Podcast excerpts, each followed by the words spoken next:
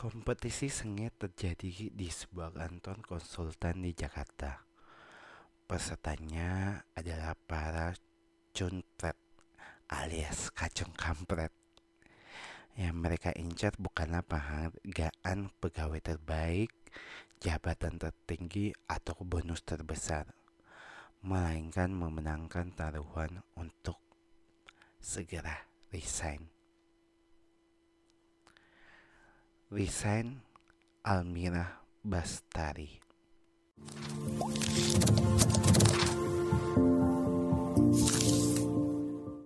Assalamualaikum warahmatullahi wabarakatuh Selamat pagi, siang, sore, dan malam buat para pendengar Karena ini adalah sebuah podcast Jadi saya menyapanya uh, pagi, siang, sore, malam karena ini bisa didengarkan kapan saja, baik itu pagi, siang, malam, sore.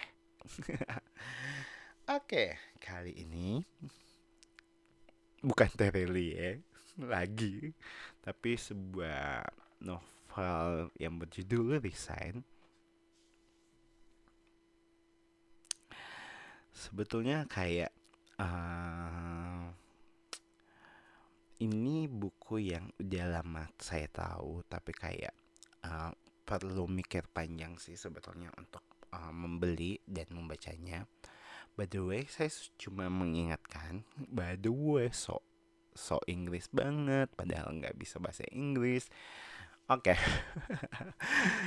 uh, saya cuma mengingatkan bahwa um, uh, buku ini sudah saya uh, lama baca sekitaran tahun 2018 dan uh, sebetulnya reviewnya itu sudah ada di blog saya uh, dan uh, hmm, karena sekarang lagi ngetren namanya podcast uh, audio makanya saya buat uh, dalam bentuk audio juga kayak gitu.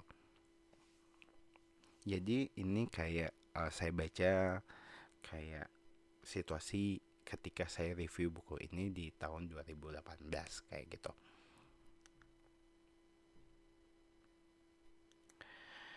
Buku ini punya cerita yang panjang dan berliku hingga akhirnya saya punya dan bisa membacanya. Yang menjadi menarik dari buku ini karena judulnya Resign dan mungkin banyak hal yang sudah bergelut dengan dunia kerja dan ketika merasakan bahwa kerjaan sekarang tidak pas dengan dirinya atau bahasa ngetrennya sekarang tidak sesuai dengan passion sehingga akan atau mau niat resign untuk mencari pekerjaan yang lebih baik lagi. Sebetulnya ada berbagai alasan kenapa orang resign Misalnya karena pekerjaan tidak sesuai dengan passionnya atau sebagainya atau mungkin karena bosnya yang uh, ternyata tidak uh, uh, bos atau lingkungannya yang tidak nyaman atau bahkan soal gaji yang kecil yang tidak sesuai dengan uh, tidak sebanding dengan apa uh, kerjaannya. Atau ada tawaran lainnya yang lebih menarik Kegalauan resign pun aku sempat alami hingga sekarang. Makanya saya tertarik dengan buku ini dengan harapan bisa menemukan setitik sinar terang di tengah kegelapan atau di tengah kegalauan.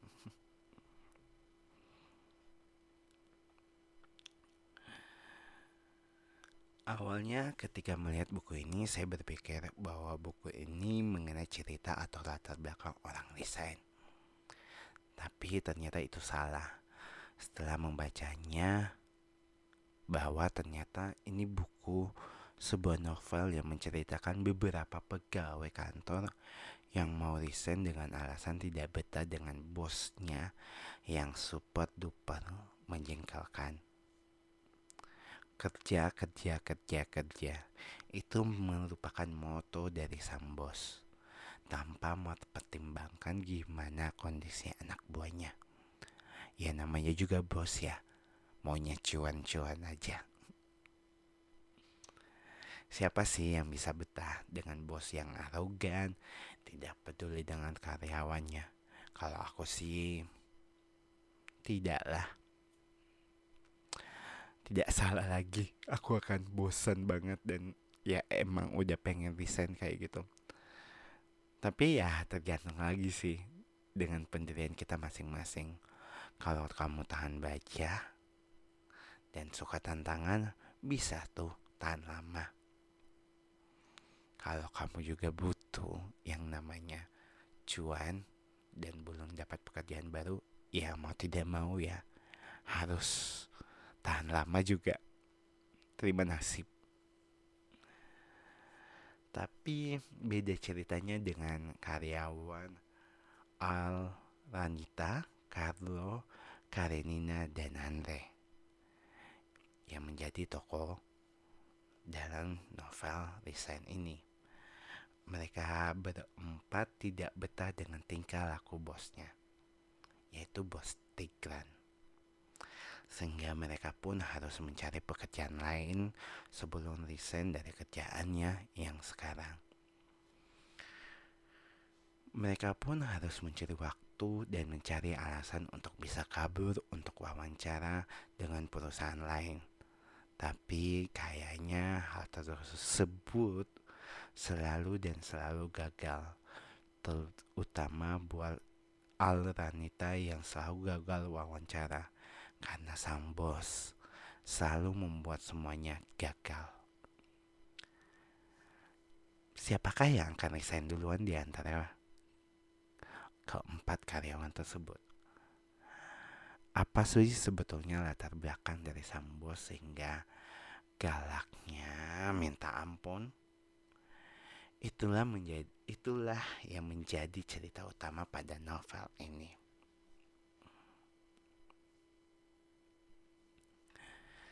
Ceritanya ringan, sederhana, tapi menarik. Buktinya saja saya bisa menyelesaikan buku ini kurang lebih sehari. Ceritanya tidak bertele-tele. Kalau aku boleh bilang sih ceritanya ya anak remaja. Penulisannya mungkin ya.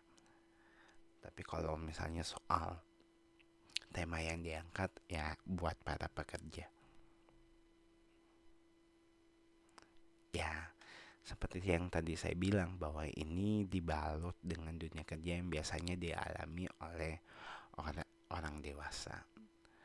Sebetulnya ini menarik buat yang sudah terjun ke dunia kerja karena akan merasakan feelnya bagaimana kalau mendapatkan bos yang sifatnya sama kayak bos Tigran. Jadi kita akan dibawa mengenang bagaimana kalau dapat bos kayak gitu. Bakalan senyum-senyum sendiri. Bahkan akan emosi jiwa juga kalau membaca novel ini. Itulah yang ingin disampaikan atau diangkat oleh sang penulis. Karena ceritanya yang ringan, simpel, sehingga karakter dari pemeran utama tidak terlalu dieksplor dan um, tidak terlalu digali, tidak ada yang menonjol. Dan sebetulnya akan lebih menarik kalau diberikan beberapa macam alasan resign. Dari keempat ini kayak pengennya alasannya tuh beda-beda, bukan cuma karena alasan bosnya yang super duper itu.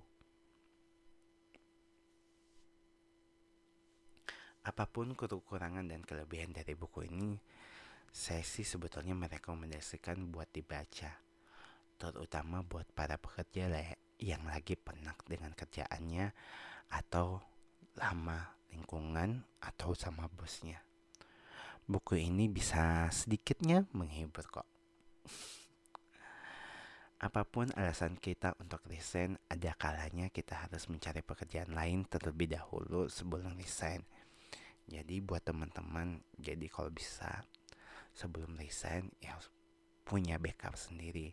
Apalagi buat kamu yang sudah berkeluarga atau uh, buat kamu yang memang lagi ada apa ya uh, apa sih namanya aku lupa beban ya. Beban atau tanggungan kayak gitu. Tanggungan sorry. Tanggungan yang kayaknya nggak bisa putus kalau nggak nggak bis nggak nggak boleh nggak um, terima gaji tiap bulan kayak gitu. Ya itulah mungkin bisa dipahami lah. Mungkin salah satu pesannya ingin disampaikan pada buku ini oleh sang penulis yaitu kalau mau resign harus punya backup terlebih dahulu. Dan ketika di tempat kerja coba um, tidak hanya dari satu pandang saja dari sudut satu pan, eh, sudut pandang satu uh, saja. Coba lihat dari sudut pandang yang berbeda dari yang biasanya. Jangan terlalu berpikiran negatif ter, negatif terus terhadap bos. Karena terkadang kalau kita mengubah sudut pandang kita kita akan menemukan cerita lain yang mungkin bisa membuat kita tetap bertahan di kerjaan yang sekarang. Tapi apa pun alasannya, kerja itu harus membuat kita nyaman. Tapi nyaman itu kita yang buat, bukan karena keadaan. Karena kalau berharap keada keadaan yang membuat kita nyaman, itu sebetulnya sulit sih kita dapatkan nikmati setiap prosesnya dan selalu berpikir positif.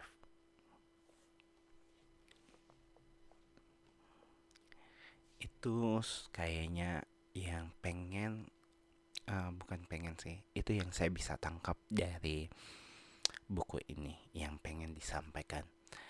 Dan uh, sekali lagi saya mengingat buat teman-teman yang mendengarkan kalau misalnya memang tertarik dengan buku ini silakan beli bukunya dan beli bukunya yang asli jangan bajakan. Dengan membeli yang asli uh, kita membuat penulis menghargai penulis sehingga penulis pun akan semakin semangat untuk berkarya. Kayak gitu. Ini kok suaraku diam-diam ya. Dan salah satu informasi lagi bahwa podcastku jika kali ini uh, podcastku yang akan datang itu akan tayang di hari Sabtu jam 5 sore untuk menemani teman-teman di malam minggu. Walaupun sebetulnya di lain hari bisa didengarkan. Tapi penayangan perdananya di hari Sabtu Yang biasanya hari Senin pindah ke hari Sabtu Dan di hari Senin akan ada yang spesial Akan ada segmen baru yang mungkin mulai bulan depan tanggal 6 akan ada yang baru. Dan semoga uh, teman-teman suka mendengarkannya. Dan tetap uh, support uh, mungkin bisa di share supaya teman-teman yang lain bisa mendengarkan. Cukup sekian dan selamat membaca